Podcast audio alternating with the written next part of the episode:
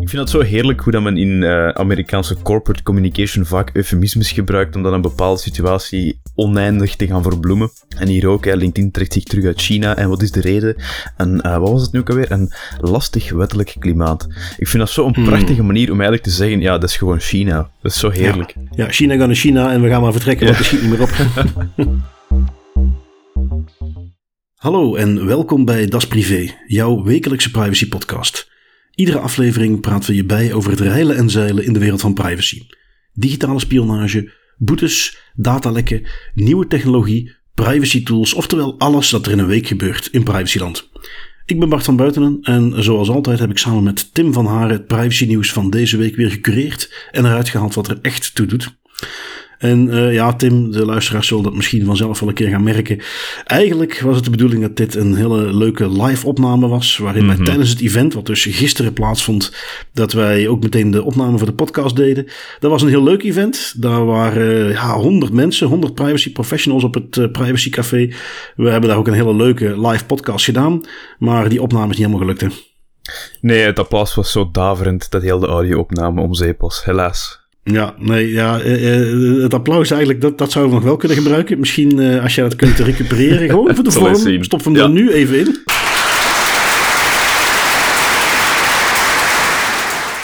Dat, dat de sfeer er toch nog een beetje in hangt hè, van, die, van die live-opname, want het is wel jammer. Het, is, het kwam eigenlijk door, ja, we hadden onze microfoons geplaatst voor de speakers die van achter in de zaal stonden en ja, we horen elkaar drie tot vier keer dubbel, wat dan niet zo gezellig is om naar te luisteren. Nee, nee, nee inderdaad, het leidt tot uh, schizofrene toestanden voor de luisteraars.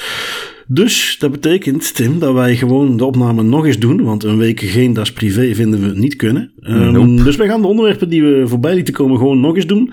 En dan uh, zullen we proberen om daar zeer enthousiast over te doen. Alsof we het voor de eerste keer bespreken. En dat komt ongetwijfeld goed. Dan uh, bespreken we gewoon net een iets ander facet. Um, even zien. Dat betekent dat we het dus uh, ja, iets anders aangepakt hebben. Maar dat wij nu gewoon meteen van start gaan met ons nieuws. het eerste wat ik graag mee wil geven, is een stukje Das Privé nieuws zelf. Uh, iets waar wij dan dus gisteren op de uh, live bijeenkomst wat, wat leuk aan konden kondigen. En waar we dan nu gewoon nog eventjes dunnetjes over doen in deze tweede opname. Uh, Das Privé is namelijk, gaat wat veranderen. wij zijn begonnen in januari met een live podcast. Of met een, een podcast die, ja, waar we heel blij verrast zijn geweest door alle feedback die we kregen. Door toch het relatieve succes van wat in feite een, een niche podcast is. De hele leuke interacties die we hebben. Of het nu via Twitter is. Of tegenwoordig ook op onze Element community. Waar ondertussen al eh, 40 mensen uh, van allerlei dingen uitwisselen over privacy en tools. Dus dat, dat, dat loopt heel goed. Um, ja, dat, dat gaat eigenlijk zo goed dat wij besloten om daar een stapje verder mee te gaan. Uh, Das Privé is vanaf heden, al een weekje of twee terug zelfs, een echte VZW hebben opgericht. En het doel dat we met de podcast altijd voor ogen hadden, nog steeds hebben natuurlijk, toegankelijke informatie over privacy verschaffen, dat willen we breder gaan trekken. Ik ben nu zelf een jaar of tien actief in privacy. Maar ja, overwegend als consultant. Uh, ik heb een aantal bedrijven gehad rond uh, privacy consultancy. En dus altijd op een, laten we zeggen, commerciële manier. Daar is op zich niks mis mee. Maar ik heb in die jaren ook gezien dat er een hele groep aan organisaties is, uh, partijen die ook persoonsgegevens verwerken, die daar een beetje buiten blijven hangen. Die, die hebben gevoelige gegevens. Denk aan een VZW die straatwerk doet en die dingen bijhoudt over jongeren. Denk aan in de zorgsector, uh, kleinere organisaties. Um, ja, wat die wat tegenaan lopen is dat even een consultant inhuren voor een paar duizend euro en die dan allerlei dingen op een rijtje komt zetten. Dat zit er niet in. Daar is het budget ook helemaal niet voor bedoeld. Maar opnieuw, daar zitten wel daar zitten dingen die verkeerd kunnen gaan met gegevens. Die hebben een nood van advies. Um, aan de ene kant zien we dus dat privacy ontzettend aan belang wint in onze maatschappij. Mensen zijn ermee bezig. Maar toegankelijke informatie, uh, heldere toepassing, hoe moeten we hiermee omgaan, dat is iets wat eigenlijk niet zo makkelijk te vinden is. En, en daar willen we iets aan mhm. gaan doen met als privé. Uh, dat betekent dat we meer materiaal gaan maken. we hebben onze podcast, die gaat uiteraard blijven. Uh, maar we willen ook bijvoorbeeld video's gaan maken over privacy onderwerpen. privacy tutorials, guides die we maken. op het, de community zien we nu ook veel discussie rond hoe moet ik mijn Pi-hole opzetten? hoe kan ik een telefoon instellen? Welke tooltjes? Ja, daar meer materiaal rond doen. De bedoeling is ook altijd als uitgangspunt dat dat materiaal altijd gratis en publiek beschikbaar gaat zijn. We zijn aan het kijken naar samenwerking met universiteiten, hogescholen kader van opleidingen voor de mensen. onderzoek wat gedaan kan worden rond, rond privacy technologie bijvoorbeeld. Uh, ik ben zelfs, en, en, na de live podcast van gisteren, heb ik daar wat nieuwe contacten gekregen. Uh, bij de VDAB bezig om een, een soort omscholingstraject te kunnen maken. Waarbij mensen in een bepaalde doelgroep, met een bepaalde opleiding wel, maar die nog steeds werkloos zijn, dat we die gaan omscholen. naar privacy professionals. Iets wat in Nederland overigens al, al in bepaalde mate bestaat. En wat ik daar in mijn contacten heb overgenomen. En wat ik dus ook hier wil gaan doen. Uh, ik wil uh, binnen Das Privé ook volgend jaar een privacy conventie organiseren. En dan denk ik niet aan dat commerciële IAPP-feestje, een bekende organisatie in privacyland, die 1000 euro per ticket vragen. Maar echt een toegankelijke conferentie waar, waar ook inhoudelijk wel sterke materie is, maar waar je ook als, als individu leuke dingen kunt gaan doen. Dus ideeën genoeg. En er wordt nu hard gewerkt aan het onderdeel waar het dan met zo'n initiatief natuurlijk vaak op neerkomt, de financiering. Eh, al dat moois dat we willen gaan doen, ja, daar gaan we ook middelen voor nodig hebben. En op dit moment zijn we hard bezig om, organisaties te zoeken die dat privé willen steunen. Uh, overheidsorganen die ons maatschappelijk relevant en goed genoeg vinden om daar geld in te steken, bijvoorbeeld in de vorm van subsidies. Uh, de, dat is iets waar Das Privé mee bezig is. Dat is waar we naartoe willen ontwikkelen. Dat is ook iets waar ik zelf uh, veel tijd in wil gaan stoppen de komende tijd. Um, daar komt hopelijk iets heel moois van. Heel moois van. Uh, nu goed, daar gaan we dus zeker nog op terugkomen. voordat we dan ja, uiteindelijk daar verder mee gaan, hebben we gewoon nog een leuke podcast die we maken en waar we gewoon mee doorgaan. En mm -hmm. Tim, dan haal ik jou er weer even bij, want we vliegen er gewoon in met ons eerste onderwerpje. En ja, wat is een podcast zonder Facebook? en je hebt er eentje meegenomen van Facebook. Ja, ja, en meteen ook een voorstel voor de privacy pros onder ons die aan het luisteren zijn. Ja, als je geen zin hebt om aan al die vervelende regels rond toestemming te voldoen, dan kan je ook gewoon je toestemmingen voor dataverwerkingen herfraseren en laten opnemen in een contractuele overeenkomst. Nu, misschien best dat je dat even laat verwerken, want dat klinkt effectief wel zo onzinnig als het is. En toch is dat exact wat dat Facebook al drie jaar probeert te doen nu. Uh, op 25 mei 2018, klokslag middernacht, het begint bijna als een sprookje, maakte Facebook de overstap van toestemming naar het uitvoeren van een contract als juridische basis voor een heleboel van hun dataverwerkingen. Dat is exact toen dat de GDPR in de EU van, werk, van kracht werd. Nu, de redenering van Facebook achter die move is relatief simpel. Hè. Door die overeenkomst waar eerder toestemming voor werd gegeven te gaan interpreteren als een contract, zijn er een heleboel strikte regels die zaken toestemming niet van toepassing op Facebook. En je moet dan niet zorgen dat dat even gemakkelijk kan worden ingetrokken. Je moet ze niet even, even handig gaan formuleren. Betekent dus ook dat Facebook al die gegevens kan gebruiken voor producten die onder die contracten vallen. Dus er zit veel meer macht bij Facebook op die moment. Wat dat voor Facebook natuurlijk leuk is, maar voor de consument niet. Uh, advertenties en online tracking, alles valt daar daaronder. De consument moet daar geen toestemming meer voor geven. Dat is heel leuk voor Facebook. Maar GDPR technisch een klein beetje dubieus. Hè? Um, en ook None of Your Business, ja, die, die voelde dat al aankomen en die beet zich daar onmiddellijk in vast, ook op 25 mei 2018, dezelfde dag nog, en die diende een klacht in bij de Ierse toezichthouder. Nu, drie jaar later, 2021, zien we toch wel een aantal nieuwe ontwikkelingen die daar rond gebeurd zijn.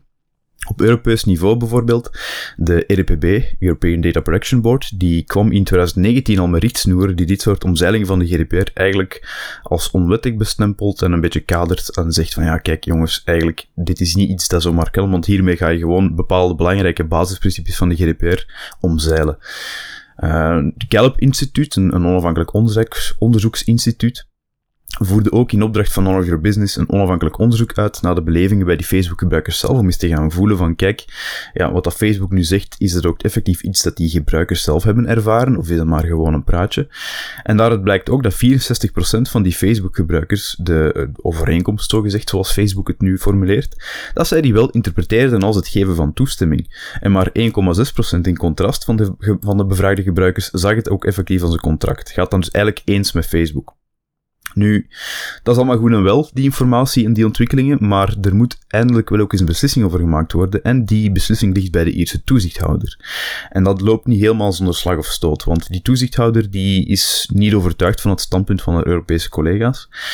En die is eigenlijk van mening dat Facebook niks illegaals doet. En dat is waarom ik dat nu ook heb meegenomen, omdat er een conceptvoorstel nu naar buiten is gekomen waarin dat die Ierse toezichthouder zegt dat Facebook's werkwijze illegaal is. En zijn ze eigenlijk enkel van plan om een boete op te leggen van 36 eh, miljoen euro, omdat Facebook niet transparant genoeg was. Nu 36 miljoen euro, dat is 0,048% van Facebook's jaarlijkse omzet. Dat is peanuts dit soort zaken, ja, dat is koren op de molen voor die critici van de Ierse toezichthouder. Die, die toezichthouder krijgt al jarenlang het verwijt dat ze veel te zwak optreden tegen die techreuzen die zich daar vestigen in Ierland en dat dat eigenlijk allemaal, dat er onder één hoedje wordt gespeeld. Wat denk jij daarvan? Ja, uh, misschien interessant om, om kort wel mee te geven uh, voor de niet-privacy professionals. Je weet wellicht nog dat uh, om persoonsgegevens te verwerken, moet je, je hebt, je hebt zes mogelijkheden om wat te doen. Het kan zijn dat je een wettelijke plicht hebt, dat jij een bepaald belang hebt als organisatie, daar zitten dan beperkingen op. Uh, je kunt dat doen op basis van toestemming van iemand dat je de gegevens mag verwerken. En je kunt zeggen, wel, ik heb een contract met die persoon. En om dat contract uit te voeren, zal ik toch bepaalde gegevens moeten verwerken. Nu, daar is de wet heel strikt in. Die zegt, als jij zegt, ik, ik verwerk dingen om omdat ik een contract heb met iemand en om dat contract uit te voeren moet ik die gegevens verwerken. Ja, dan moet je wel kunnen laten zien dat die gegevens die jij verwerkt ook echt noodzakelijk zijn voor dat contract. Uh, simpel voorbeeldje, als ik bij Coolblue iets bestel, dan moet ik niet apart toestemming geven dat zij mijn adresgegevens verwerken. Want het is heel evident dat uh, zij mijn adresgegevens mogen verwerken om een pakketje te kunnen leveren. Als zij mij vervolgens gaan vragen, en by the way, wat zijn je hobby's? Welke voorkeuren heb jij? Ja, dat past niet binnen dat contract. Dat is niet nodig om bij mij iets af te kunnen leveren. En dan moeten ze dus een, een andere, uh, ja, zoals het dan zo mooi heet, wettelijke basis voorzien om uh, dat bij mij te mogen verzamelen, die gegevens. En dat is dan vaak toestemming. Wat Facebook hier doet, eh, want toestemming is gebonden aan bepaalde voorwaarden. Dat mag je niet zomaar zeggen, we hebben toestemming gevraagd. Dat moet, je moet duidelijke informatie krijgen. Toestemming kan ook heel makkelijk ingetrokken worden. En dat vindt Facebook allemaal lastig. En vandaar dus het, het, het, het meer juridische foefje wat jij net beschreven hebt, Tim. Dat ze dus op de dag dat de GDPR inging, dat even omzetten. Vanaf nu werken we niet meer op basis van toestemming, maar werken we op basis van een contract. Uh, betekent als dat foefje door zou kunnen gaan, dat dat iets is wat natuurlijk op heel veel andere plekken ook toegepast gaat worden. Want als Facebook daarmee wegkomt, ja, dan, dan is dat wel heel interessant voor allerlei andere partijen. En het is eigenlijk iets waar in privacyland men altijd zei van ja, maar goed, dat is onzin. Want die dingen die zij doen, de, de tracking, de, uh, de, de advertenties die ze laten zien, hoe ze dat allemaal toepassen, ja, dat is helemaal niet nodig voor de dienst die Facebook is, namelijk een platform waar je dingen op deelt. Dus dat leek heel makkelijk terzijde te schuiven. Maar wat heeft Facebook gedaan? Die hebben gezegd, ja maar wacht eens even, de dienst die wij aanbieden, dat is niet alleen maar het feit dat jij een fotootje kunt uploaden, dat jij dingen kunt delen met mensen. Nee, daar zit iets extra's bij, namelijk jij, jij wilt graag van ons die gepersonaliseerde advertenties. Dus onderdeel van onze dienst zijn die advertenties en is dat profileren dat wij doen. Um, op die manier proberen ze dus te onderbouwen. En lijkt dat dus gelukt te zijn naar de Ierse toezichthouder. Proberen zij te zeggen: ja, maar kijk, al die mensen die willen niet liever dan die gepersonaliseerde advertenties van ons krijgen. En daarom is dit onderdeel van ons contract. Als zij een profiel aanmaken, dat is wat de gebruikers willen. Nou, Klinklare onzin, uh, duidelijk een juridisch foefje, maar wel iets wat, uh, ja, wat toch in ieder geval de eerste toezichthouder op dit moment van heeft gezegd van, oh ja, oké, dan is het goed, als het onderdeel is van het contract, dan, dan is alles in orde. Uh, boze tongen beweren dat Facebook zoveel invloed heeft bij die eerste toezichthouder, dat ze zelfs meegeschreven hebben aan dit concept boetevoorstel. wat natuurlijk meteen verklaart waarom ze zoveel van de zienswijze van Facebook overnemen, waarom ze zo onderbouwen waarom dat dit toch echt kan. Waar we hier heel hard op is dat dit weer iets wordt waar andere toezichthouders, want dit is een beslissing die dus voorgelegd moet worden aan de andere toezichthouders. Op dit moment is het een draft. Dat die daar gigantisch tegenaan gaan schoppen. Uh, en dat die gaan zeggen van ja. nee, dit, dit, klopt niet. En dan weer in dat systeem zitten van uh, de overkoepelende Europese toezichthouder, de European Data Protection Board, die daar een beslissing over gaat moeten nemen. Net zoals dat met de WhatsApp-boete van 250 miljoen gebeurde. Ja, dat is eigenlijk wat ik hoop dat er gaat gebeuren. Hè. De Ierse toezichthouder, ik ben heel blij dat dat mechanisme er ook in zit, dat, dat, dat die draft eerst verstuurd moet worden naar de Europese collega's, de andere autoriteiten, en dat die ook een groen licht moeten geven voordat dat voorstel effectief van draft naar een, finale, een finaal document gaat. Dus ik ben heel blij dat, dat daar toch nog ergens een controle zit, want die Ierse toezichthouder, of hoe dat je het nu ook draait of keert, ze kunnen best wat krachtiger optreden tegen die grote techreuzen. Als je kijkt naar de boetes die zij de, de laatste jaren hebben uitgedeeld, Vaak moet dat dan langs die, die Europese collega's en pas daar wordt die boete verhoogd naar iets dat proportioneel is voor hetgeen wat er is, wat er is fout gegaan. Ja, ja, ja uh, om het dan nog uh, wat dubieuzer te maken. De, de Ierse toezichthouder heeft dat, want Max Schrems die zit dus achter natuurlijk uh, de procedure daar. Het is ook iets wat bij het Europees Hof binnenkort nog voorbij komt. Dus dat zal zeker nog impact hebben op die beslissing die we nu zien. Want als die daar tot een andere conclusie komen, ja, dan gaat dat natuurlijk ook meteen aangepast worden. maar Max Schrems heeft die draftbeslissing ook gekregen als partij die betrokken is in, in, dit, in, in deze zaak. En die heeft hij gepubliceerd. Uh, waardoor dat we de dingen waar we het nu over hebben, waardoor we dat niet weten. Uh, eigenlijk is de bedoeling dat dat soort documenten wat intern blijven tot daar een finale beslissing is. Maar uh, Max Schrems vond dit zo belachelijk dat hij zei: dit, dit ga ik publiceren, dit moeten mensen kunnen lezen hoe jullie erin zitten. daar kon de Ierse toezichthouder niet meer lachen. En die hebben geprobeerd in de GDPR een basis te vinden om Max Schrems vervolgens onder druk te kunnen zetten. En die hebben hem een zogenaamde cease and desist brief gestuurd, waarin dus gezegd wordt dat hij het offline moet halen, dat dat niet had gemogen. argumenten daarin, ja goed, Max Schrems is een jurist, ondertussen een, een zeer ervaren jurist mag ik wel zeggen. Um, die maakt daar meteen gehakt van dat wat uh, in die brief staat, de argumenten die ze aanhalen, dat dat helemaal niet klopt. En dus nu is daar een beetje een, een kleine uh, schriftelijke bekvechterij uh, ontstaan, een polemiekje over mag ik dat nu wel of niet publiceren, wat zijn de gevolgen daarvan. En dus ja, dit begint echt buiten natuurlijk de, de GDPR-inhoudelijke aspecten, uh, begint het echt een, ordinair stelletje uh, bekvechterij te worden tussen die partijen.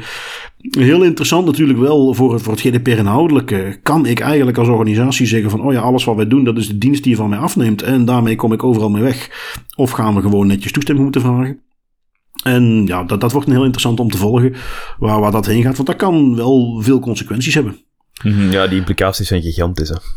Ja, Um, nu goed, tot zover uh, uiteraard even Facebook dat we mee moeten nemen. We verzorgen altijd wel weer iets nieuws. Um, ik heb nog een andere meegenomen en, en dit zag ik voor het eerst. Ik heb dat op heel wat uh, media voorbij zien komen na de rand. Maar de eerste keer dat ik er iets van zag was op de, de Twitter-feed van Russia Today.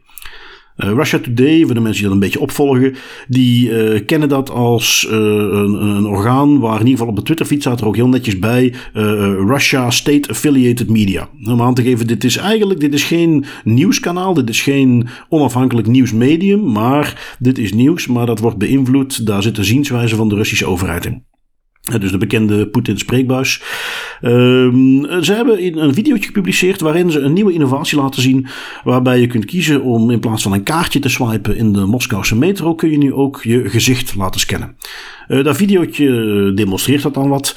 Uh, ze gebruiken dan terminologie, uh, leuke zinnen die ze gebruiken om aan te geven dat het een beetje staatsmedia is. Dat the most beautiful and technologically advanced metro system in the world heeft nu facial recognition.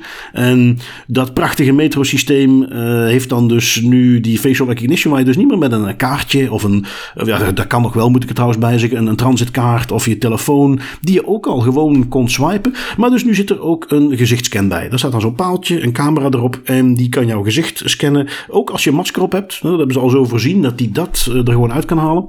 Is iets wat ook meteen in de 240 metrostations in Moskou is doorgevoerd. Ze zeggen dan zelf dat dit de grootste de implementatie van dit soort technologie ter wereld is. Nu, ik kan me daarin vergissen, maar volgens mij is er nog zo'n landje wat ook zelfs een paar landsgrenzen heeft met Rusland, waar ze aanzienlijk meer facial recognition toepassen. China uiteraard. Uh, wat men dan vervolgens in het videootje van Russia Today doet, is nog even een, een voxpopje. Hè, een aantal mensen, passagiers vragen, en wat vinden jullie ervan? En, en waarbij ik toe moet geven, een beetje tot mijn verbazing, ik, ik verwachtte daar natuurlijk drie uh, mensen voorbij te zien komen die de Hosanna zingen van de facial recognition en aangeven van ja, ik zou eigenlijk willen dat dit in ieder facet van mijn leven uh, inbegrepen was, die facial recognition. Um, dat viel reuze mee. Twee van de drie mensen die ze interviewden zeggen zelfs van nou ja, ik ga het voorlopig niet gebruiken. En het is ook iets wat niet verplicht gaat worden, zegt men nu. Um, maar ja, goed. Uh, de, de, vermoedens dat men uh, al die gezichtscans van die miljoenen mensen die metro gaan gebruiken, dat dat misschien nog wel eens voor andere dingen nuttig kan zijn, dat ligt natuurlijk op de loer. Ja, en, en dat is altijd het dingetje. Nee, ik bedoel, het, het, het toepassen van facial recognition in een bepaalde setting op zich ik zie dat zeker zitten. Ik bedoel, er zijn bepaalde aspecten die mij wel handig lijken, dat ik niet mijn portefeuille moet pakken of zo, ook al is dat maar iets heel klein dat je dat niet meer moet gaan doen. Maar wat, maar wat mij vooral zorgen baart is, dat is een heleboel biometrische data die er dan opgeslagen ligt. Hè. De scans van uw gezicht die aan een identiteit verbonden zijn en aan een betalingssysteem. En wat we wel heel vaak hebben gezien is dat het is niet omdat een systeem met goede, met goede bedoelingen wordt opgezet, dat het daarom ook niet misbruikt kan worden. Of dat er daarom ook geen lek kan zijn en dat die gegevens daarna misbruikt worden. Internal threat actors, datalekken, hacking, etc. Er moet maar één iemand zijn met kwade bedoelingen die heel dat systeem online legt. En je hebt gewoon de gezichten, de, de gezichtendatabase van een heleboel Russen, die je gewoon kan misbruiken op die moment. En dat is wat ik altijd zo een beetje beangstigend vind bij die facial recognition, dat eens dat die data publiek online is, want dat is niet gewoon een wachtwoord dat je kunt veranderen, je kunt niet ineens van gezicht gaan veranderen, eens dat die biometrische data online voor het grabbelen ligt, ja, dan heb je wel een gigantisch probleem. Ja, precies. En, dat is waar men dan, uh, ja, waar we hier het grote risico in zien. Hè? Waarom we ook initiatieven zien om uh, dat soort uh, facial recognition in de publieke ruimte, wat dit eigenlijk ook is, om dat gewoon te gaan verbieden. Uh, dat zijn vooral die Europese initiatieven die we zien. hashtag Reclaim Your Face, zie je dat ook op Twitter veel voorbij komen. Nu, als onderdeel van de, de live opname die we dan gisteren deden, om toch een beetje nog een soort van interactie met het publiek te voorzien, hadden wij ook een, een poll opgezet. Um, ik vond het interessant. We hadden dus een poll opgezet die we tijdens de podcast lanceerden. En die poll was als volgt. Uh, was de vraag, ja, gezichtsherkenning duidt overal op. Uh, het gebruik ervan normaliseert. We zagen dus net een item waar het in terugkomt. Verwacht je dat wij er binnenkort ook aan moeten geloven of is dit tegen te houden? En dan had je de keuze tegen uh, nope, say cheese. Als in van, nou, dit gaat er gewoon aankomen. En jawel, reclaim your face. Als in, nee, we kunnen dit tegenhouden. Gisteren tijdens de, de opname was dat bijna 50-50. Iets meer mensen zeiden: nee, we kunnen dit nog tegenhouden, reclaim your face. En ik geloof 6, 47 procent uh, zei: uh, nope, say cheese. Ondertussen staat die natuurlijk nog gewoon online, die poll. En hebben er nog wat extra mensen gestemd. En ik kan meegeven, Tim, dat we ondertussen 63 procent zegt dat we ons gezicht nog kunnen behouden. En uh, nog maar 35 procent heeft het over de uh, say cheese. Of om precies te zijn, 63,5 en 36,5. dus dat is nog een beetje verschoven. Dus dan kunnen we toch, denk ik, uit afleiden dat dat de mensen die dat opvolgen, meer online, die daar notabene niet de privacy professionals, dat die nog zoiets hebben van nee, nee, nee, dat kunnen we nog tegenhouden.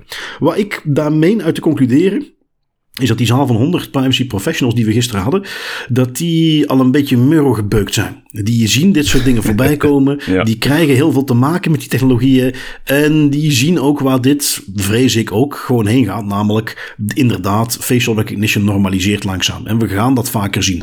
En het is iets waar we maar beter kunnen zorgen dat de, de manier hoe dat toegepast wordt, dat we daar steeds goed op toezien dat het op de juiste manier gebeurt. Uh, dat die gegevens niet langer worden bijgehouden. Dat dat zoveel mogelijk beschermd is. Want ja, kun je het nog tegenhouden? Uh, Face ID op veel toestellen is iets wat toch echt de norm is geworden. Uh, wat denk jij? Ja, wat, wat ik aan vooral moet denken is. Um, mijn schampelijk momentje gisteren toen jij mij vroeg, hè, wat denk jij nu, hoeveel procent zouden hebben gezegd van uh, op die Twitter-poll dan, ja, mm -hmm. dat, dat, dat valt allemaal helemaal niet meer tegen te houden. Ik dacht, dat is een zaal vol privacy professionals, kom aan, die moeten toch allemaal nog een beetje optimistisch ingesteld zijn. Hè. We kunnen dat tegenhouden, dat is letterlijk onze job. Dus ik had heel grootmondig gezegd, ja, uh, niemand gaat gestemd om een, op het idee van dit kunnen we niet meer tegenhouden. En de pijnlijke reactie dan om u te zien zeggen, toch bijna de helft. Maar ik ben blij ja, dat, dat ja, we langzaamaan toch naar die 0% aan het gaan zijn. Hè? Ik bedoel, 36% of zo, dat begint ja, op te schuiven. Hè? Dus. Aan de andere kant, en, en, en opnieuw, ik, dat is een hele grote if, hè, want uh, het is niet makkelijk, dit is gevoelige technologie. Maar aan de andere kant is het ook onze rol, als toch in ieder geval voor ons, als, als mensen die echt dagelijks met privacy bezig zijn, ook professioneel, is niet zozeer dat wij dit per se gaan afblokken. Wij zijn geen activisten. Nee, ja. Dat is om ervoor te zorgen dat op het moment dat dit gewoon gebruikt wordt, iets waar we toch steeds meer gaan zien, dat dat zo goed mogelijk toegepast wordt. En met zoveel mogelijk waarborgen.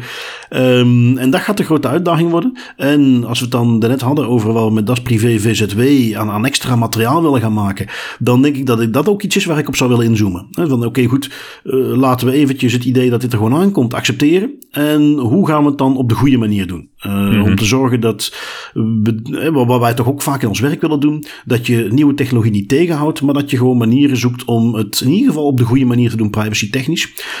Met nog één kanttekening daarbij, want ik meen te zien uh, dan moet ik toegeven dat ik de laatste line-up van de iPhones niet echt heb gevolgd.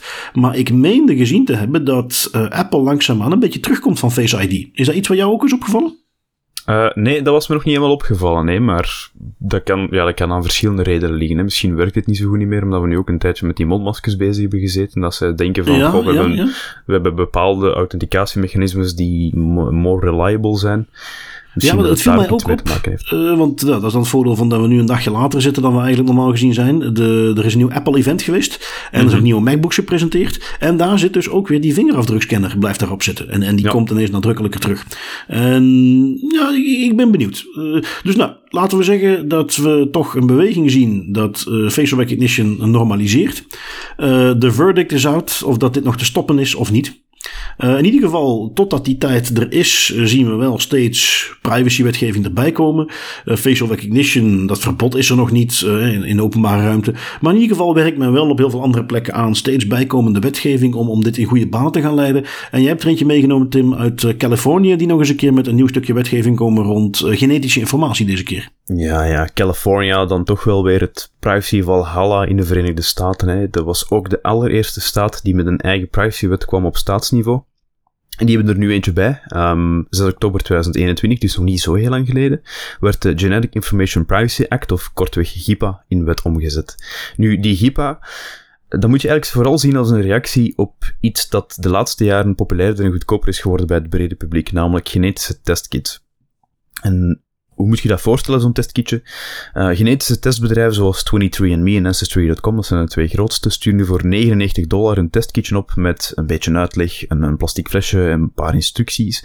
En je moet dan eigenlijk in dat plastic flesje gaan spugen, een beetje van je speeksel afstaan, en je stuurt dat op naar het testbedrijf. Dat testbedrijf analyseert dan je DNA uit dat speeksel en een kleine maand later krijg je een rapport met een volledig overzicht van je genetische herkomst. En dat is altijd relevant om te weten hoeveel procent Neandertaler je bent en hoeveel procent Rus of whatever dat je bent. Uh, dat kan nog wel eens lollig zijn om eens te bekijken, maar wat kan je dan ook online verder familie mee gaan vinden in de DNA Relative Finder en speciale eigenschappen gaan ontrafelen die in uw DNA zitten en die u u maken. Bijvoorbeeld of dat je de smaak van koriander als zeperig ervaart, dat is blijkbaar iets dat in uw, in uw genen zit. Nu, voordat je zegt, ja, oké, boeien, dit is waarschijnlijk toch een niche, wie gaat, wie, wie gaat dan nu in godsnaam in zijn hoofd halen om zijn DNA toch wel een heel gevoelig gegeven af te gaan staan? Aan een commercieel Amerikaans bedrijf. Uh, bij 23andMe alleen al zijn zo'n 10 miljoen klanten die hun DNA hebben opgestuurd. Dus dat zijn 10 miljoen unieke mensen op deze planeet die hebben gezegd, alright, ik wil wel weten hoeveel procent Neandertaler ik ben dat zijn best veel bijzondere persoonsgegevens die nu al een hele hoop blootleggen, maar dat in de toekomst mogelijk nog veel meer gaan doen. Want dat is het ding, dat is de zorg vooral bij die, uh, bij die DNA-veld vanuit een wetenschappelijk perspectief is dat razend interessant om te volgen, want dat evolueert enorm snel. Je kunt er elk jaar meer en meer uit gaan halen. Maar vanuit een privacy-perspectief is dat ook soms zorgwekkend, want mensen die misschien vijf jaar geleden hun DNA hebben afgestaan, die beseffen nu misschien, ah shit, ik kan daar veel meer uit gaan halen, maar ook andere mensen kunnen daar veel meer uit gaan halen. En dat besef ging ook in Californië niet zomaar voorbij, en dus werd GIPA in het leven geroepen. Nu, kort gezegd vereist die GIPA-wetgeving dat direct-to-consumer genetische testbedrijven, dus echt een genetisch testbedrijf dat rechtstreeks aan de consument een service aanbiedt, dat die voldoen aan bepaalde privacy- en gegevensbeschermingseisen.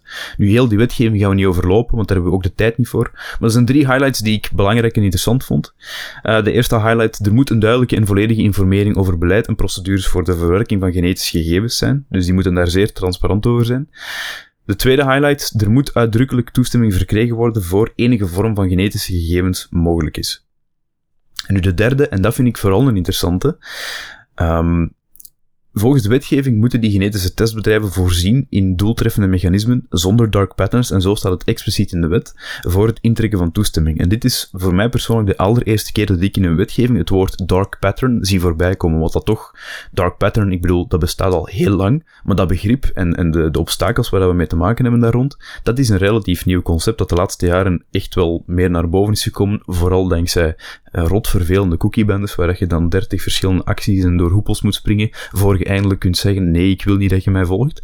Hè? En zij hebben er ook een, definitie aan gegeven. Hè? Een dark pattern is in GIPA een gebruikersinterface die is ontworpen of gemanipuleerd, maar als gevolg dat de autonomie, de besluitvorming of de keuze van de gebruiker wordt ondermijnd of aangetast. Dus inderdaad, bijna elke cookiebanner die dat heeft geprobeerd met de felle kleurtjes of de andere leuke dingetjes om je toch te manipuleren, om naar een bepaalde keuze te sturen. Dus ja, ik vind, dat, um, ik vind dat heel interessant om te zien dat bepaalde nieuwe begrippen en nieuwe ontwikkelingen nu worden meegenomen in nieuwe wetgevingen. Ja, absoluut. Het enige wat je hier natuurlijk jammer kunt vinden, is dat dit weer een voorbeeldje is van de lappendeken die Amerikaanse wetgeving eigenlijk is op het gebied van privacy toch. Dit is weer een staat die weer met hun eigen specifieke wetgeving komt. En ja, dat, dat, dat, dat, voor ons vanuit Europa bekeken is dat heel erg 1995. Toen hadden we ook die richtlijn uit Europa. Die, dat is waar de vorige privacywetgeving op gebaseerd is. Eh, een richtlijn in Europa betekent iedere lidstaat mag er zijn eigen interpretatie een beetje aan geven. Het zijn de grote lijnen die we eh, uitvaardigen vanuit Europa. De GDPR is een verordening, wat dus betekent dit is gewoon de wet in Europa, punt. En in Amerika zie je toch zeker op het gebied van privacy dus diezelfde beweging eigenlijk. Hè. Iedere staat die maakt er zijn eigen ding van. Uh, ook weer geheel Amerikaans is dat ze dan dat niet alomvattend maken, maar dan weer een wetje voor dat, dan weer een wetje voor dat. En nu hebben we dan mhm. die genetische dingen. De CCPA in Californië uh, dekte weer meer de, de handel in data af. En, en maar een alomvattende privacywetgeving, dat krijgen ze maar niet voor elkaar. En, en de hoop dat dat op Amerikaans niveau, hè, heel de Verenigde Staten, uh, er 1, 2, 3 gaat gebeuren, dat is toch echt niet evident. Uh, waar men zelfs in China ondertussen al een GDPR-geïnspireerde wetgeving heeft. Waar natuurlijk één uh, belangrijke uitzondering in zit. Uh, de overheid heeft overal toegang toe. Uh, maar voor de rest is dat echt voor een heel groot deel gelijkaardig aan de GDPR. En ja, dat is waar men dan hier in Amerika. kijk, het is er, ze doen er iets mee. maar je zult maar een Amerikaans bedrijf zijn die, wat mij betreft, medische apparaten maakt. En die in heel de Verenigde Staten actief is. En die nu staat per staat. in Europa mekkerde men dan over destijds 28 lidstaten waar het anders was. In Amerika, als ik me niet vergis, heb je dan over 52 staten. Waar mhm. je die wetgeving eh, in de gaten moet houden. Dus eh, makkelijker wordt het niet op. Nee, nee, inderdaad. En eh, de hoop dat er ooit een privacywetgeving komt, overkoepelend voor de, de, gehele Verenigde Staten, ik heb die hoop, om heel eerlijk te zijn, al een beetje opgegeven, want dat zit daar ook niet in, dat besef. Nee. Nee, nee, nee, nee, nee. nee. En uh, als we daar dan eventjes puur het Belgisch perspectief, dat is confederalisme, mensen. Dat is waar je tegenaan loopt als een aantal partijen hier dan hun zin krijgen en we zouden ons afsplitsen. Je ziet al een klein beetje als we uh, op Vlaams niveau kijken naar de, de eigen gegevensbeschermingsautoriteit die we hebben met de VTC en de samenwerking met de gegevensbeschermingsautoriteit Centraal, de GBA. Dat is al niet evident. Dus ik denk echt wat dat betreft, maar dat is dan een heel klein beetje voorkeur die ik eruit spreek, dat ik veel liever uh, één zie dan uh, het verder weer uh, versnipperen. Nu goed, dat gezegd zijnde, uh, we nemen het weer iets meer terug naar bij ons. California daar gelaten. Wij hadden wat nieuws. ik heb hem van Data Nieuws meegenomen, maar was volgens mij zowat alle grote nieuwsmedia was dit nieuws kwam wel voorbij. De COVID-scan app is lek. Dat was toch in ieder geval hoe het werd gezegd. Uh, Er was een uh, persoon die dat aan de grote klok hing, die uh, kwetsbaarheid had gevonden.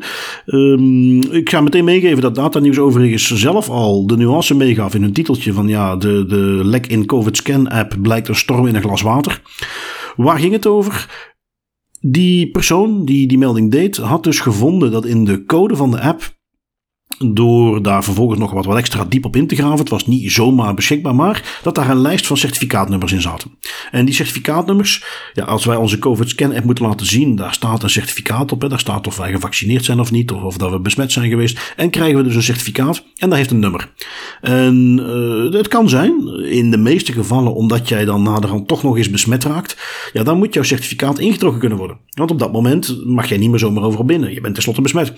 En uh, een manier om dat te gaan beheren is die lijst dus op een bepaalde manier verspreiden aan alle COVID-scan apps. Um, in dit geval is dat dus een lijst die ze meegaven in de code van de app.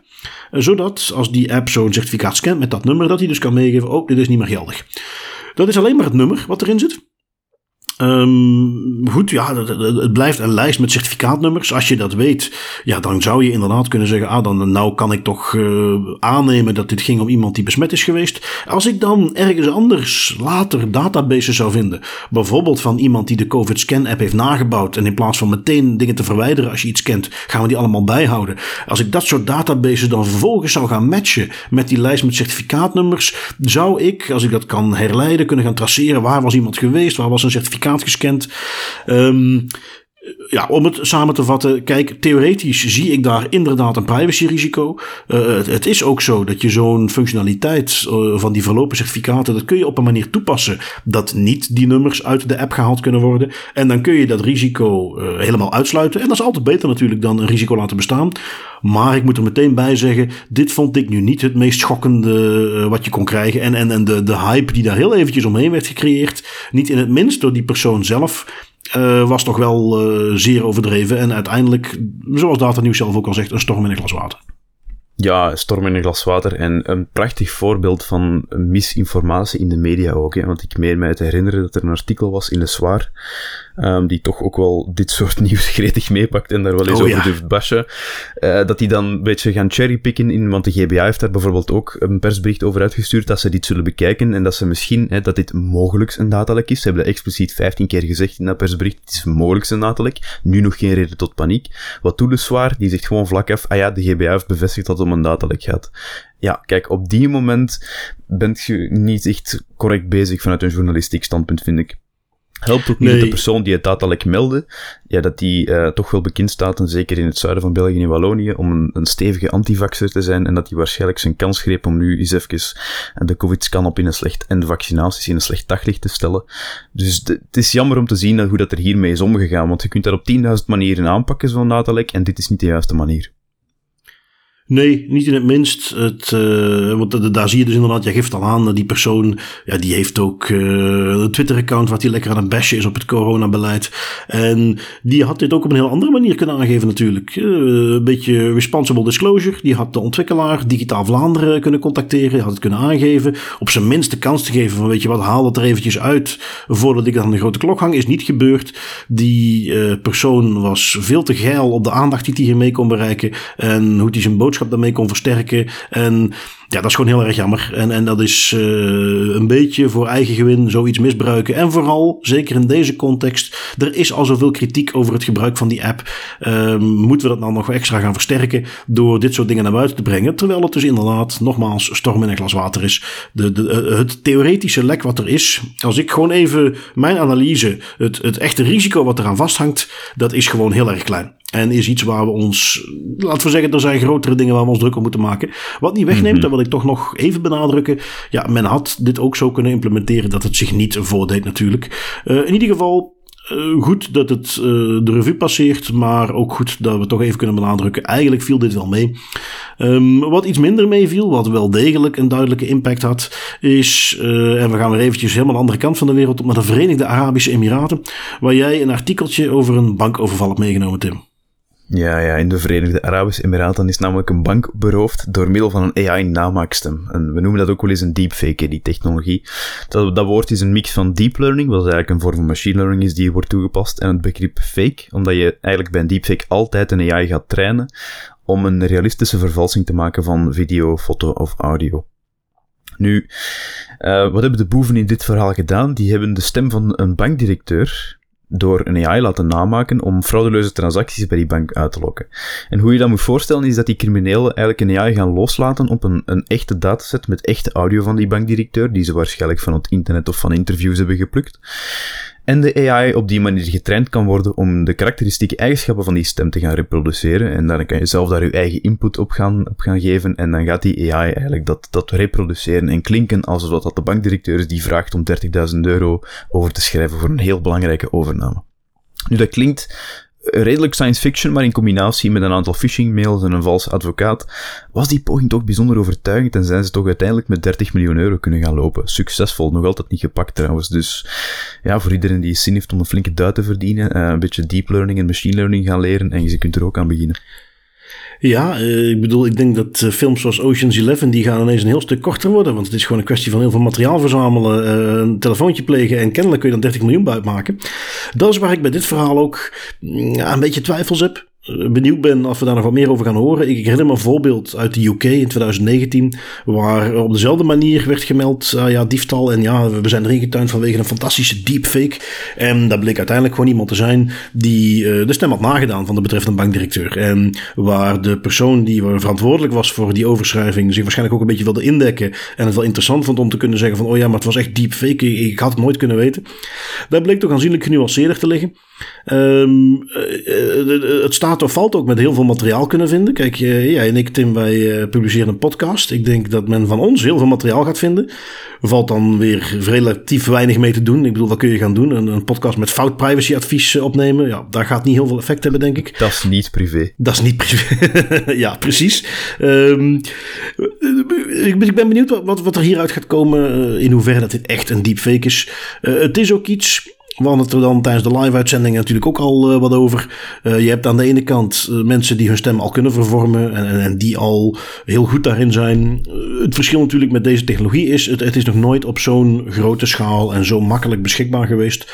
En het gaat wel risico's in zich houden. Maar mm, bij zo'n bank ik ga er toch vanuit dat we misschien dat het effectief deepfake was, maar dat we aan de hand gaan leren dat hier nog heel veel andere dingen speelden. En dat de volgende, mm weet ik veel, Oceans 25 film toch nog enige lengte gaat hebben, omdat je er niet bent met alleen maar die stem. Je gaat nog meer moeten kunnen doen. En dat we dus op die manier uh, toch ook wel extra barrières in kunnen bouwen. En dat deepfake niet het einde van de wereld betekent, iedereen kan gefraudeerd worden. Maar en wat we toch evident mogen verwachten bij zo'n bankdirecteur, uh, als hij een telefoontje krijgt van wie dan ook, die zegt: uh, schrijf maar even 30 miljoen over. Dat hij zegt: ja, dat is geen probleem. Ik pak eventjes onze verificatieprocedure van 10 pagina's erbij vanaf 10 miljoen. En die gaan we even doorlopen, zodat ik zeker weet dat jij het bent.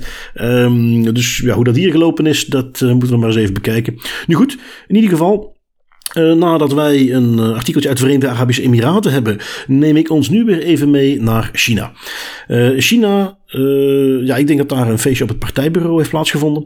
Want het laatste westerse sociale netwerk is nu ook verdwenen uit China. Uh, LinkedIn verlaat China.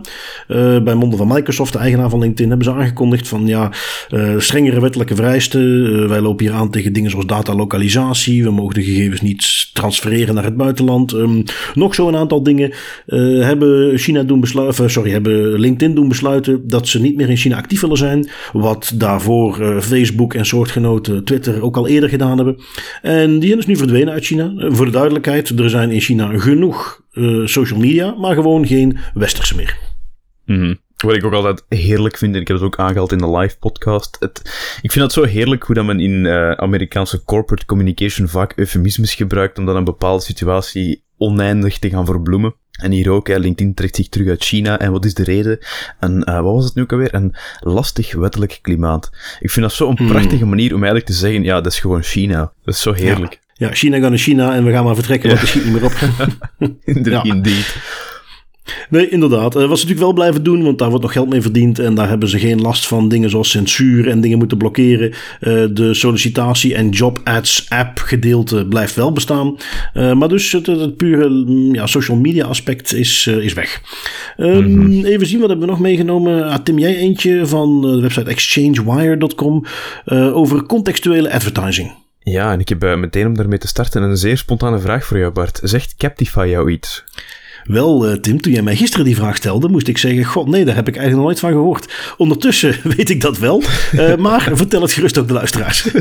Dankjewel. Captify is na Google de grootste verzamelaar van first-party zoekgegevens van consumenten en ontwikkelt achter de schermen dus een heleboel advertising technologie, uh, onder andere nieuwe vormen van contextueel adverteren ook. En dat is waar dit artikel over gaat. Uh, contextuele advertenties moet je eigenlijk zien als dat zijn gerichte advertenties aanbieden op basis van de taalkundige elementen van een webpagina. Dus een webpagina gaat bijvoorbeeld over auto's, dus dan is het ook redelijk logisch dat er dingen die relevant zijn aan auto's geprojecteerd worden op die advertentiepagina's. Of, of locaties eerder. Uh, bijvoorbeeld ook uh, advertenties voor bergbotinen op een webpagina van Ice Adventure. Er zijn een aantal voordelen en nadelen aan verbonden aan die contextuele advertenties. Voordelen, het is een pak goedkoper pak privacyvriendelijker, want je moet niet zo heel veel dure tracking-technologieën gaan gebruiken en mensen over heel het internet gaan trekken. Nadeel, tot voor kort, er is weinig zekerheid of dat dit even goed of beter werkt dan de huidige ad-tracking methode, want het is eigenlijk nooit op gigantische schaal gebruikt. Hè. Op het moment dat het ook die technologie zo ver stond dat het nuttig werd, zijn track is tracking ook op de markt gekomen en kreeg dat dan de, de voorkeur. Vroeger was dat dus vooral een manier om risico's te elimineren uit marketingcampagnes. Nu zien we toch meer en meer interesse om die technologie te gaan uitbreiden in de marketingindustrie. Uh, die industrie komt ook met innovatieve ideeën. Nu dat ze aanvoelen dat trekken met cookies, dat dat niet eeuwig, eeuwig gaat blijven duren. Zelfs Google's Privacy Sandbox is daar een prachtig voorteken van, dat, dat die cookies en die tracking methode, zoals dat we ze nu kennen, dat daar wel een houdbaarheidsdatum op plakt en dat die langzaamaan maar zeker toch dichterbij gaat kruipen. Captify ook probeert zo data over zoekintenties te gaan combineren met paginacontext om adverteerders toegang te geven tot toch een heel relevant publiek. Het is een beetje hetzelfde als met die trackings, zonder cookies en tracking. En waar ik daar altijd op vastloop, uh, ook in de podcast, is, ik, ik vind het altijd heel leuk om te zeggen, en ik vind het een razend interessant onderwerp, die contextuele advertising. Maar ik zie eigenlijk heel weinig resultaten of ik zie heel weinig harde cijfers die dat ook nu eens hard maken dat dit een, een waardige opvolger zou kunnen zijn of een vervangmiddel voor tracking en cookies, of privacyvriendelijker ook. Want het heeft geen zin om een privacyvriendelijk alternatief te gaan aanbieden als dat alternatief 50% zwakker of slechter werkt. Ja, dan moeten we iets anders gaan zoeken dat beter werkt en geschikter is voor eh, in privacyland. Nu, Captify heeft een manier ontwikkeld om die contextuele advertising te gaan gebruiken en hun manier leidt tot, tot my surprise ook, 25% betere prestaties voor advertentiecampagnes ten opzichte van cookie, cookie en tracking gebaseerde campagnes. Dus niet alleen is het even goed als de huidige toch meer privacy-invasieve methode, het is zelfs 25% beter. En dat vind ik razend interessant, want dat zijn nu nog prototypes waar Captify mee speelt, maar als ze dit kunnen gaan uitbreiden op grote schaal en ze kunnen met die cijfers ook de, de, ja, de marketeers overtuigen dat dit een beter alternatief is, dat niet alleen voor hun marketingcampagnes goed werkt, maar ook vanuit een privacy-perspectief en een brand trust-perspectief beter werkt, ja, dan heb je goud in handen. En dat, dat vind ik heel cool dat er nu eindelijk iets van cijfers naar buiten komen. Ja, eh, het is iets wat we in, in een Nederlandse testcase in diezelfde context sinds 2019 dacht ik, de, de TROS, ja, wat dan zo'n beetje de, de advertentiecomponent van de publieke omroep is, of toch een omroep in ieder geval, die hadden ze onderzoek gedaan naar, wij willen eigenlijk, uh, ook op onze online aanwezigheden, wij willen al die tracking eruit gooien. En wij gaan dat zelf doen. Uh, die hebben hun eigen ad-netwerk opgezet. Daar hadden ook de, de, technische infrastructuur voor gebouwd. En die zijn het dus gewoon zelf gaan doen. Geen integratie met Google, Facebook. Geen op de achtergrond, als, als ik een website bezoek, op de achtergrond vindt er steeds een soort veiling plaats. Waarin dan voor het hoogste bedrag uh, dat mensen ingesteld hebben die advertenties willen doen, de, de, de ruimte kunnen kopen die ik te zien krijg. En tegelijkertijd worden dan heel veel gegevens over mij doorgespeeld. Van ja, want dit is zo'n soort iemand. Matcht dat met het profiel dat jij voor had. Dat wilden ze vanaf zijn. En ze zeiden dus van oké, wij gaan het, ja, wat jij net beschreven hebt, Tim, contextuele advertising op basis van de inhoud van de website. Dan gaan we dit, uh, gaan we bepaalde advertenties tonen en, en that's it. Als wij tweakers.net is er ook naar aan het kijken, weet ik, om zoiets te gaan implementeren. En als die een artikeltje hebben over de nieuwste Apple-event, ja, dan mag je er wel van uitgaan dat mensen die dat lezen waarschijnlijk geïnteresseerd zijn in Apple. Um, daar kun je andere dingen uit afleiden. In ieder geval, daar valt nog steeds best gericht op te adverteren. Zonder dat je daarmee allerlei uh, tracking, persoonsgegevens moet gaan verzamelen. Gewoon omdat je uit puur de inhoud van wat mensen bekijken ook dingen af kunt leiden. Het is trouwens ook iets waar ik over een paar weken in een uh, nieuwe aflevering van Das Privé Discours.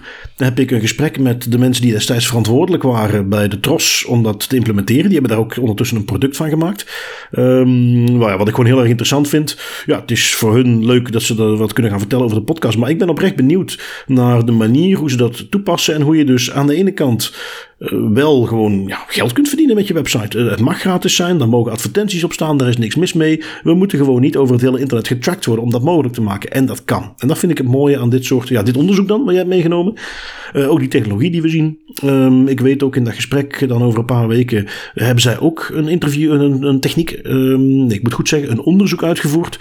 Waarbij ze dan moeten kunnen onderbouwen dat het wel degelijk werkt. dus dat is, ja, dat is gewoon een interessante ontwikkeling. En iets wat ik alleen maar kan aanmoedigen om op een, een, ja, aan de ene kant zelfs ethische, maar in ieder geval privacyvriendelijke manier aan advertising te doen. En ja, dat steekt een beetje schril af tegen het omgekeerde wat we zien in het artikeltje dat ik heb meegenomen.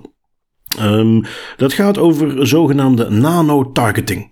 Uh, targeting natuurlijk in de context van uh, mensen met reclame targeten of, of met bepaalde boodschappen. Um, onderzoeken uit Spanje, die hebben een, uh, ja, wat ik dus heel interessant onderzoek vond, hebben die uitgevoerd.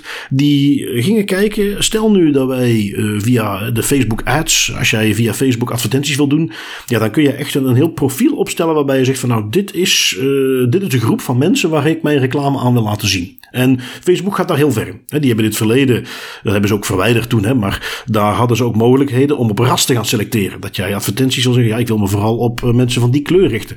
Ja, wat natuurlijk uh, niet door de beugel kon, is ook aangepast. Maar dus, die, die, uh, Facebook maakt er zelf reclame mee dat ze in totaal wel 50.000 datapunten hebben waar je iemand mee zou kunnen selecteren. Um, wat wil die onderzoekers nu doen? Ze zeggen van oké, dat, dat, is leuk. En dat is eigenlijk bedoeld, dat platform, om zoveel mogelijk reclame te kunnen maken aan bepaalde doelgroepen. Heel breed in te zetten. Wat nu als wij het omgekeerde willen doen? Wij willen dat manipuleren om zo specifiek mogelijk iemand te kunnen targeten. Zodat wij één iemand, idealiter, uit de massa kunnen halen. Via dat hele platform van Facebook met die 2 miljard gebruikers die ze hebben. Willen wij onze criteria voor die advertentie zo instellen dat wij één iemand kunnen targeten. Nou, dat is wat ze geprobeerd hebben. Um, en uh, ik zal daar uh, onze luisteraars niet te lang in spanning houden. Dat is ze gelukt. En niet zo'n beetje. Um, wat ze deden is die advertenties. Ja, dat was op basis van bepaalde unieke interesses die je kunt meegeven. Uh, natuurlijk likes, interests die je op Facebook aangeeft. Nu, hoe unieker die interesse. ik noem maar wat. Als jij een ontzettende fan bent van het opzetten van dieren met een speciaal soort balsem, met een speciaal soort huid. Ja, dat is een hele niche waar je op focust. Ja, als jij zo een aantal van die interesses erbij pakt, dan ga je veel sneller iemand kunnen En waar kwamen ze achter? Als wij vier van de uniekste interests op Facebook pakken en wij gooien een advertentiecampagne online die specifiek daarop gaat, wij weten van tevoren of wie dat van toepassing is, uh, ja, dan kun je dus voor zorgen dat alleen zij die advertentie te zien krijgen door die unieke advertenties. En dat is er dus gelukt met vier van die unieke interesses pakken we dat even iets minder uniek. Want je moet mensen natuurlijk wel, uh, je weet niet de diepste dingen van iemand. En dus dan moet je die ook wel kunnen targeten. Uh, als ze minder unieke interesses pakten, dan hadden ze er 22 nodig om dus met 90% zekerheid iemand te kunnen targeten. Denk je dan van oké, ja, leuk, maar uh, dat zal ongetwijfeld ook ontzettend duur zijn, omdat je zo specifiek met die advertenties bezig bent. Um, wel, dat zal je verbazen, want dat hebben ze ook meegegeven in het onderzoek. De kostprijs van zo'n campagne waarbij ze maar één iemand targeten, 12 cent. Ja, hoe komt dat? Uh, ergens heel logisch. Facebook redeneert natuurlijk in, in, in, in massa's, in hoeveelheden. En als ze maar één persoon bereiken, je betaalt per getoonde advertentie. Dus als jij jouw campagne zo specifiek inzet dat jij die maar op één persoon richt, ja, dat is een beetje tegenovergestelde van wat de meeste marketingcampagnes willen doen. En dan is dat dus heel erg goedkoop. Uh, het leuke is natuurlijk, want dit is nu een heel intens onderzoek geweest. Uh, ze moeten die interesses gaan uitzoeken, ze moeten die campagnes opzetten en dan bereik je maar één persoon. Maar we zitten wel in een tijd waarin dit soort dingen allemaal geautomatiseerd kunnen worden. En het is helemaal niet ondenkbaar dat die unieke targeting, dat dat op zo'n manier in te gaan stellen is, door gegevens uit Facebook te harvesten, dat jij, dat er een, een, bedrijf komt, een start-upje die over niet al te lang het voor elkaar gaat om te zeggen van kijk, jij geeft ons de informatie van, of de lijst met personen die je wil targeten. En wij zorgen ervoor dat wij een campagne definiëren waarmee je uniek, specifiek die personen target. En ja, de natte droom van iedere politicus dus. Een tool waarmee je iedere potentiële kiezer kunt laten zien wat die potentiële kiezer specifiek wilt horen.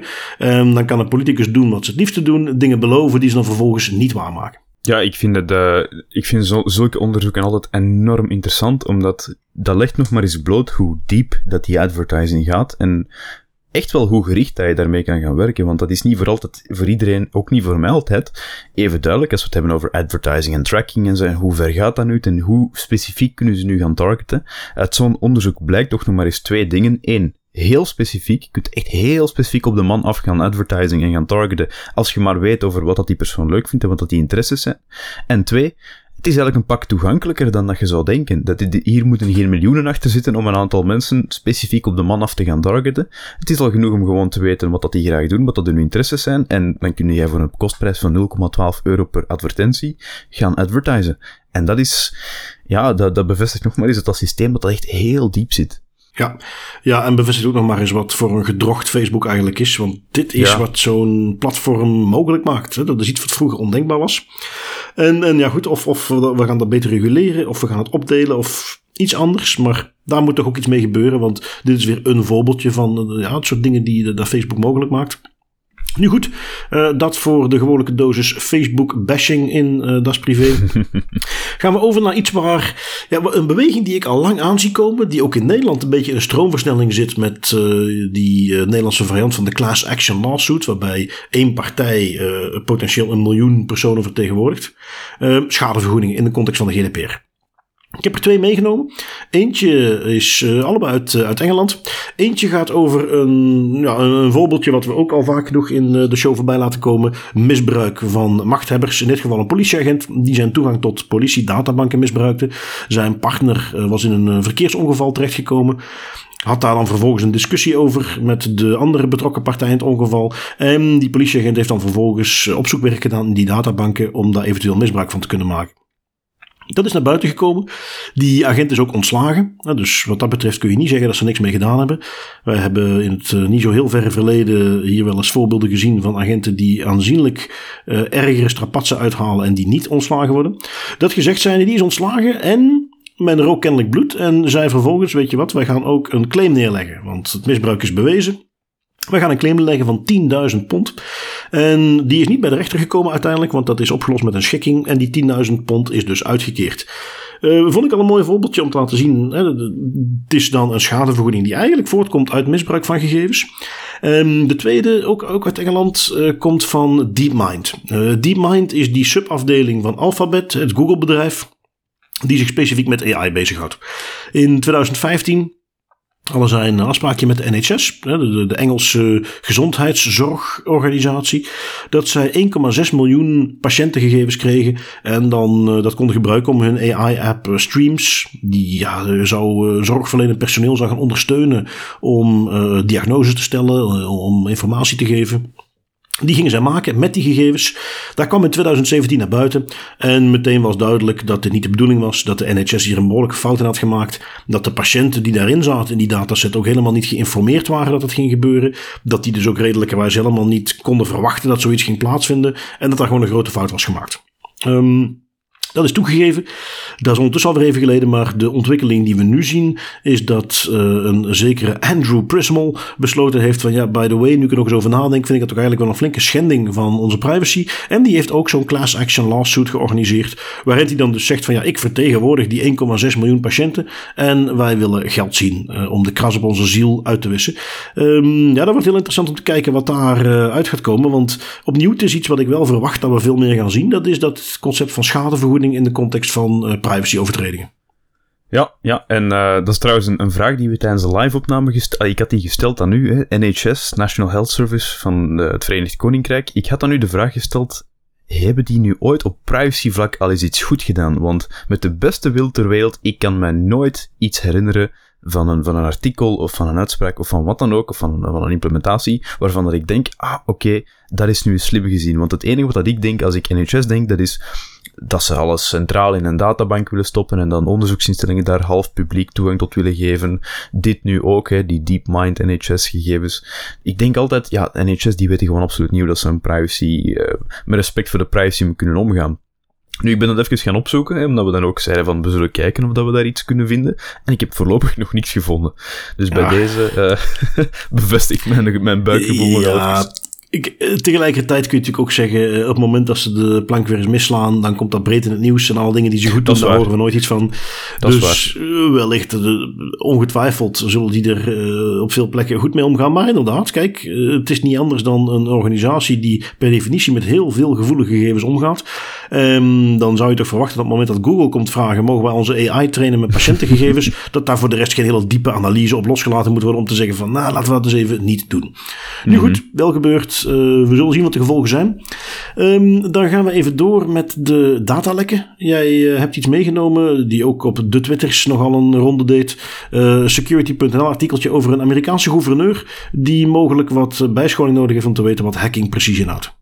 Ja, dat was fenomenaal om te zien. Het ministerie van Onderwijs in Missouri, die, uh, die hebben een website en die website die lekt de social security nummers en een heleboel andere gevoelige informatie van meer dan 100.000 leerkrachten die daar te werk gesteld zijn, door de gegevens gewoon ergens in de broncode van een publiek toegankelijke zoektool op de website te zetten. Dus echt letterlijk in de HTML-code zelf.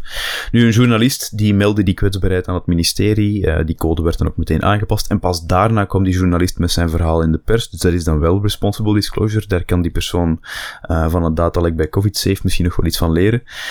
En daar zou je van zeggen, ja, kijk, oké, netjes gedaan, hè, eerst gemeld, dat lek is gedicht, en nu pas ga je dat effectief in de pers gaan zetten. En het goed al goed. Maar uh, de gouverneur van Missouri, die dacht, ja, nee, nee, nee, dat gaan we niet doen. En die beschuldigt de journalist nu van hacking en belooft op Twitter, uiteraard heeft hij ook Twitter, om hem voor het gerecht te slepen. Die heeft dan allerlei gekke onzin uitgekramd, zoals een hacker is iemand die ongeautoriseerde toegang tot informatie of content krijgt. Dit individu had geen toestemming om te doen wat hij deed. Hij had geen toestemming om de code te converteren of decoderen. Nu, misschien weet de gouverneur van Missouri niet helemaal hoe dat een, hoe dat een website in HTML werkt, maar echt letterlijk iedereen kan, als hij gewoon een browser heeft, met een rechtermuisklik in de paginabron gaan kijken. En dat is niet per se hacking, als dan door pure incompetence van het ministerie van Onderwijs in Missouri of een of andere developer daar een heleboel gegevens in de HTML-code staan, dat is uw fout. Dat is niet de fout van de journalist die daarop stoot.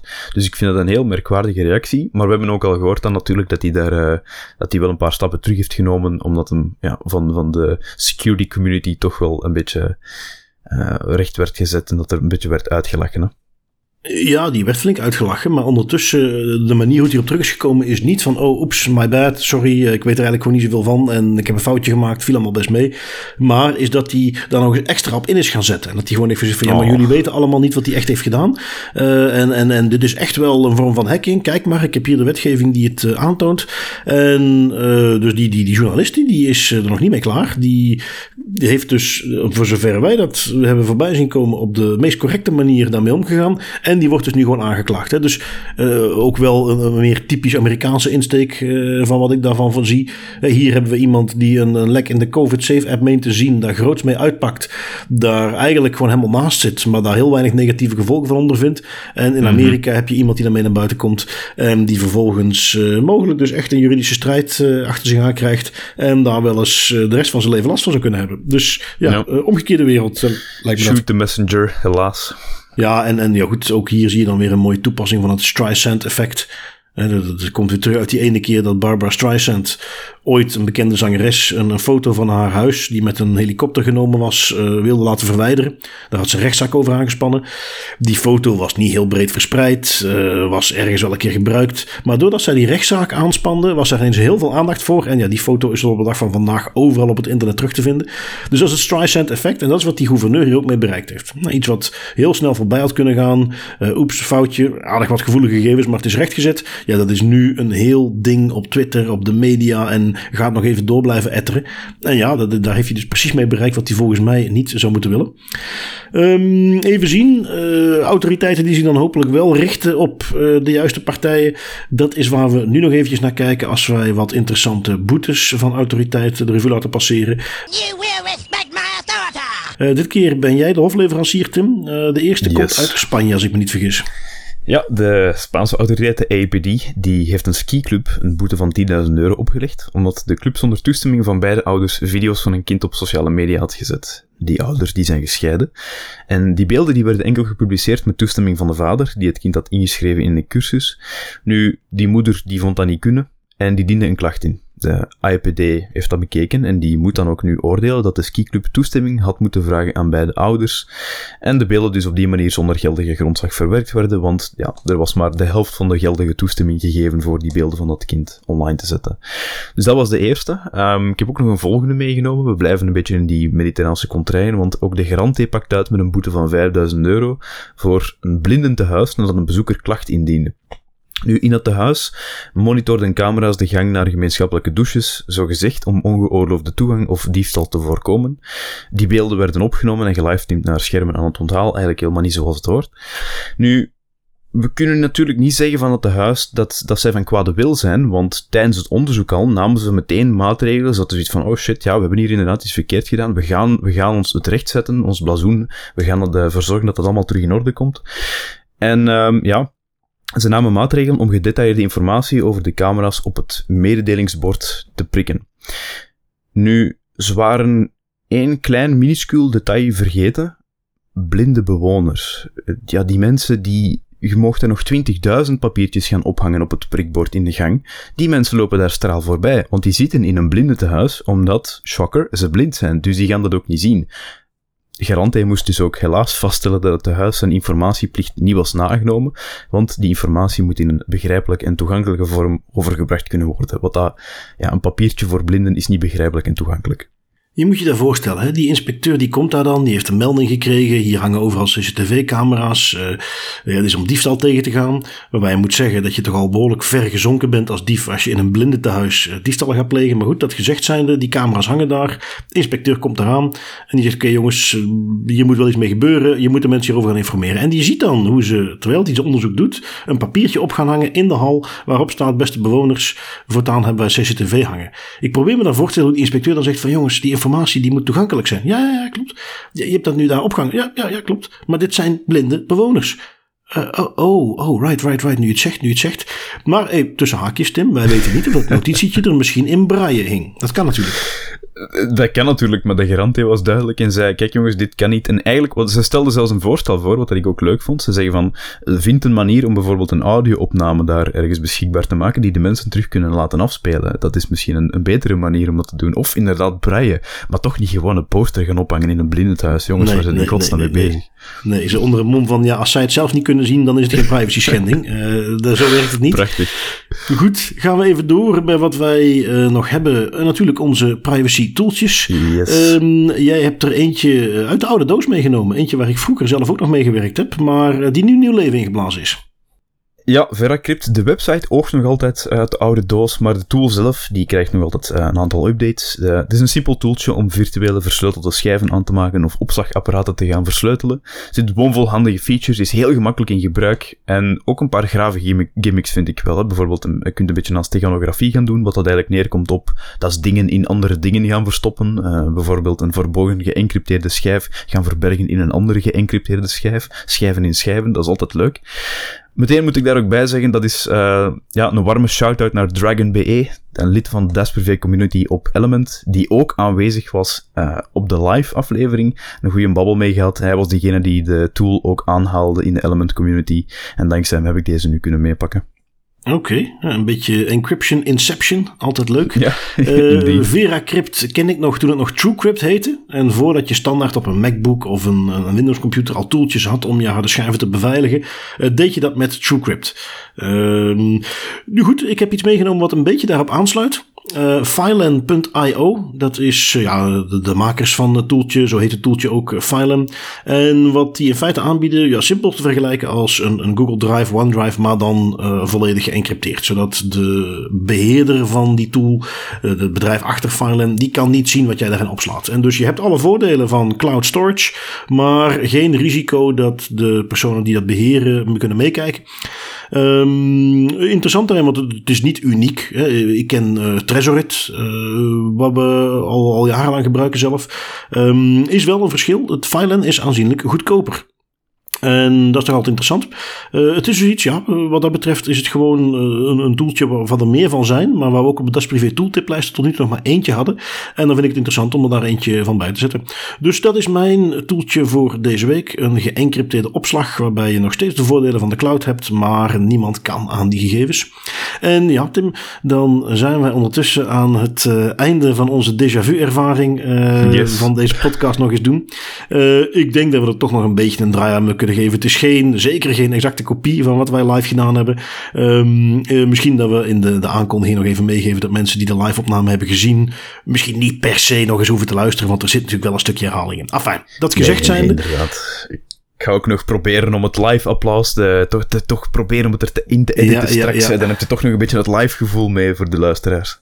Oké, goed. Uh, Tim, wij doen het volgende week weer gewoon opnieuw. Jij bedankt voor je tijd. Luisteraars, bedankt om erbij te zijn. Um, hou er rekening mee, we hebben altijd interesse in nieuwe leden van onze Das Privé community. Waar we er ondertussen Mhm. toch al meer dan 33 op ons kanaal hebben zitten. Interessante discussies, iedereen welkom. En uh, anders dan horen jullie ons volgende week weer. Tot volgende week.